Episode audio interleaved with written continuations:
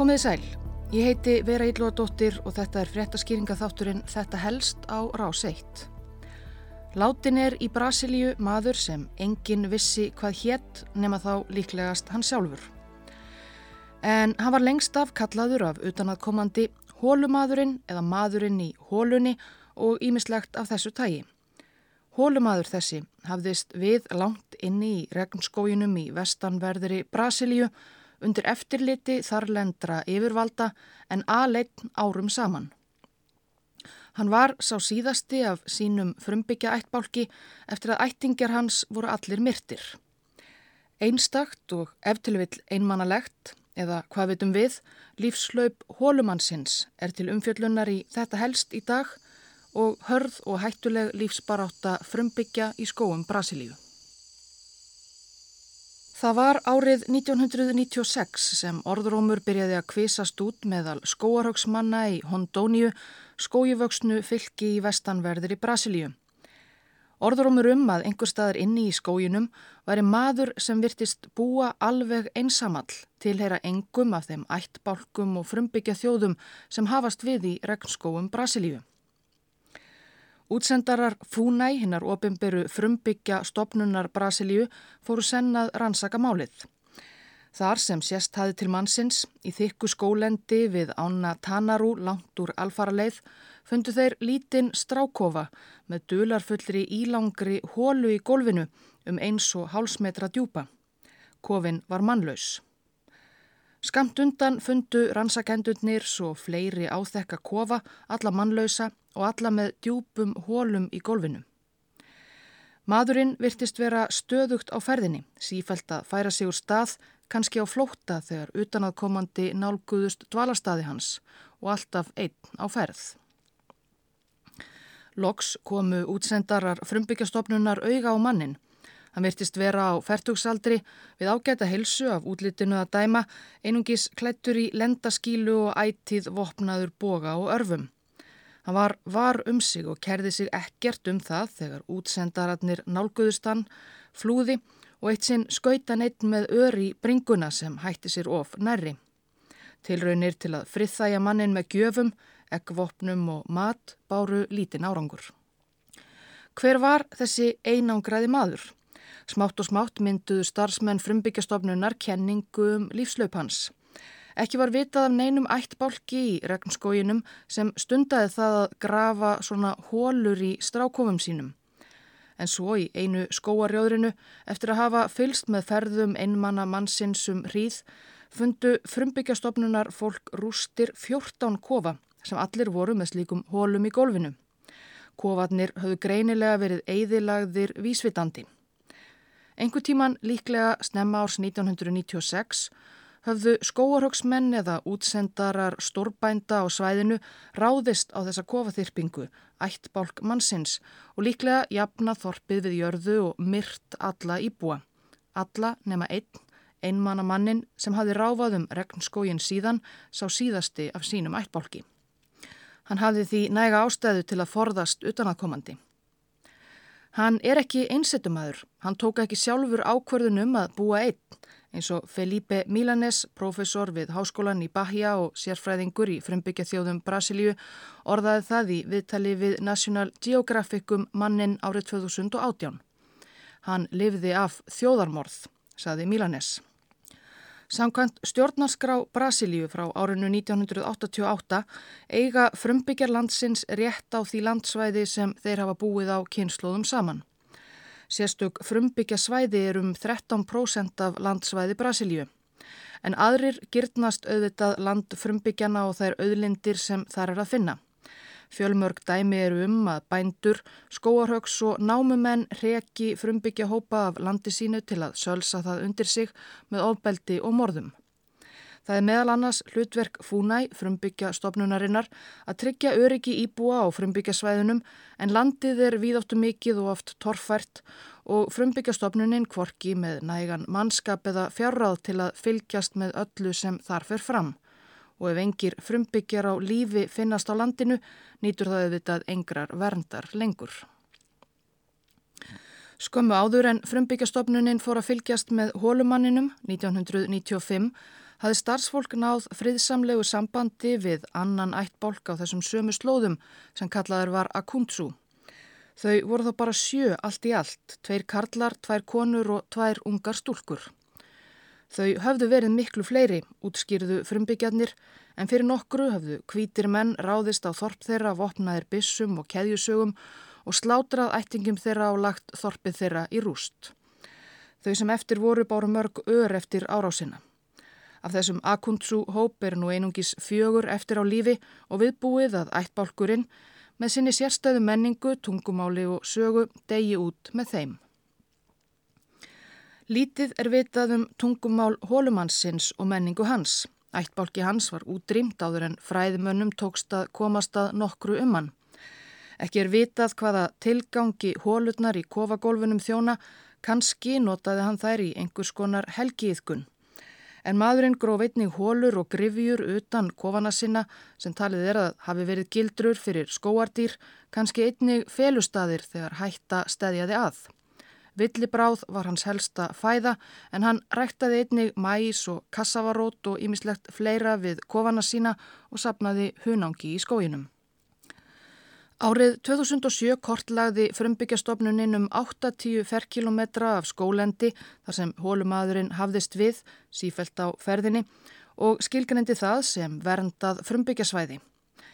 Ákvörðunin vakti hörð við bröð stórbænda og landeiganda í nákværininu hvernig gæti einn maður þurft 8-10 ferkilometra til umráða þegar hægt væri að nota landið til dæmis til landbúnaðar og fæða þannig fjölda fólks en ákvörðun frumbyggjastofnunar stóð. Næstu árin gætti stopnunin landsvæðisins örlítill blettur af viltri náttúru í hafi af rættarlandi og fyldist með manninum úr fjarlægð og með gátt. Ekki veitti af. Síðla árs 2009 réðust vopnaðir menn á mannlausa útstöð frumbyggjastofnunar við landsvæði hólumannsins og brutu þar allt og brömluðum. Eftir innbrotið fundu útsendarar stopnunarinnar svo skotilki við yfirgefin kofa mannsins. Um tíma var jáfnvel óttast að óvinnum mannsins hefði tekist að koma honum fyrir Katarnef, þeim síðasta úr ættbálknum hortna sem engin veit hvað kallaði sig. En svo nokkru síðar sást til mannsins á ferðum skógin, hann hafi lifað árásina af og virtist ómeittur. Engin var nokkuð tíman sóttur til saga fyrir árásina, en líklegt að vígamennir hafi komið af nálægum nautabúgarði eða verið gerðir út af eiganda búgarsins. Árið 2018 byrti frumbyggjastofnunin myndskeið af hólumanninum í fjölmiðlum.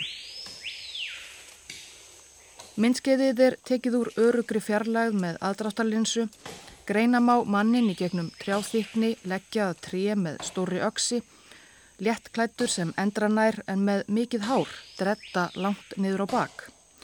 Ef hann var meðvitaður um myndatökumannin veitti hann honum enga aðtegli. Frumbyggjastofnun byrti myndskeið þetta í vonum að vekja aðtegli almennings á bári stöðu frumbyggja í Brasilíu sem og að sanna að maðurinn væri enn á lífi og hefði enn rétt á sínu landsvæði.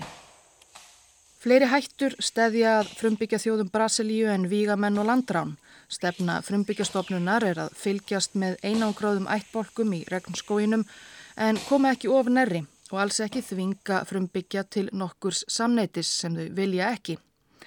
Frumbyggjarnir hafa ekki ónæmiskerfi sem geta barist við þá algengu sjúkdóma sem grass er að hafa hjá okkur í henni myndu siðmenningu kynnslóðum saman.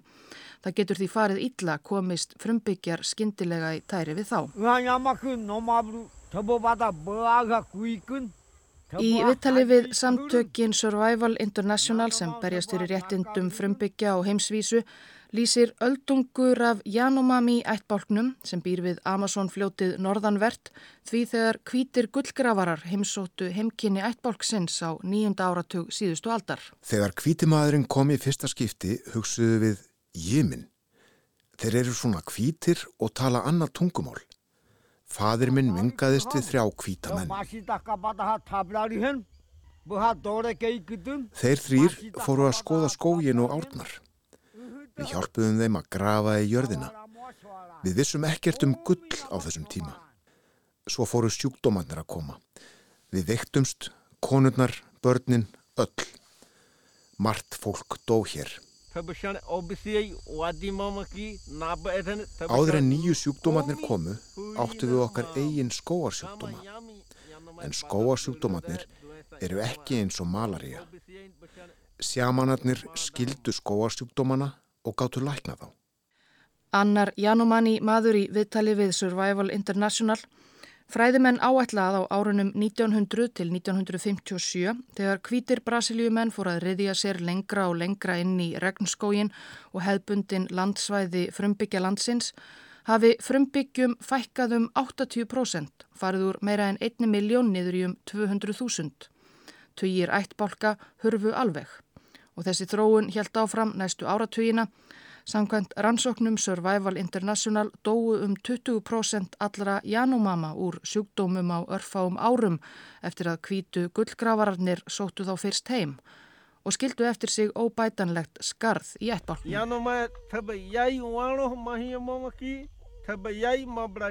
Ég man eftir þeim sem dóu.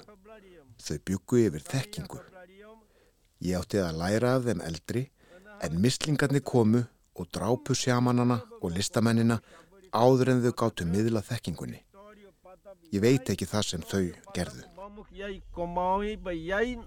Það eru slík örlög sem frumbyggjastofnun Brasilíu reynir nú að forða fleiri frumbyggjum landsins frá. Það tókst að vissu leiti í tilviki hólumannsins við ána Tanarú að forða honum frá ónáttúrulegum döðdaga eða samskiptum við umheiminn sem hann kerði sig greinilega ekki um að tilheyra. 24. ágúst fundu útsendarar frumbyggjastofnunar hólumannin Látin, likjandi í hengirúmi við síðasta strákofansinn. Hann hafði skreitt sig litskrúðugum arnpáfa fjöðurum eins og hann byði döðans, sagði í tilkynningu stofnunarinnar. Hann hafði leið lengi.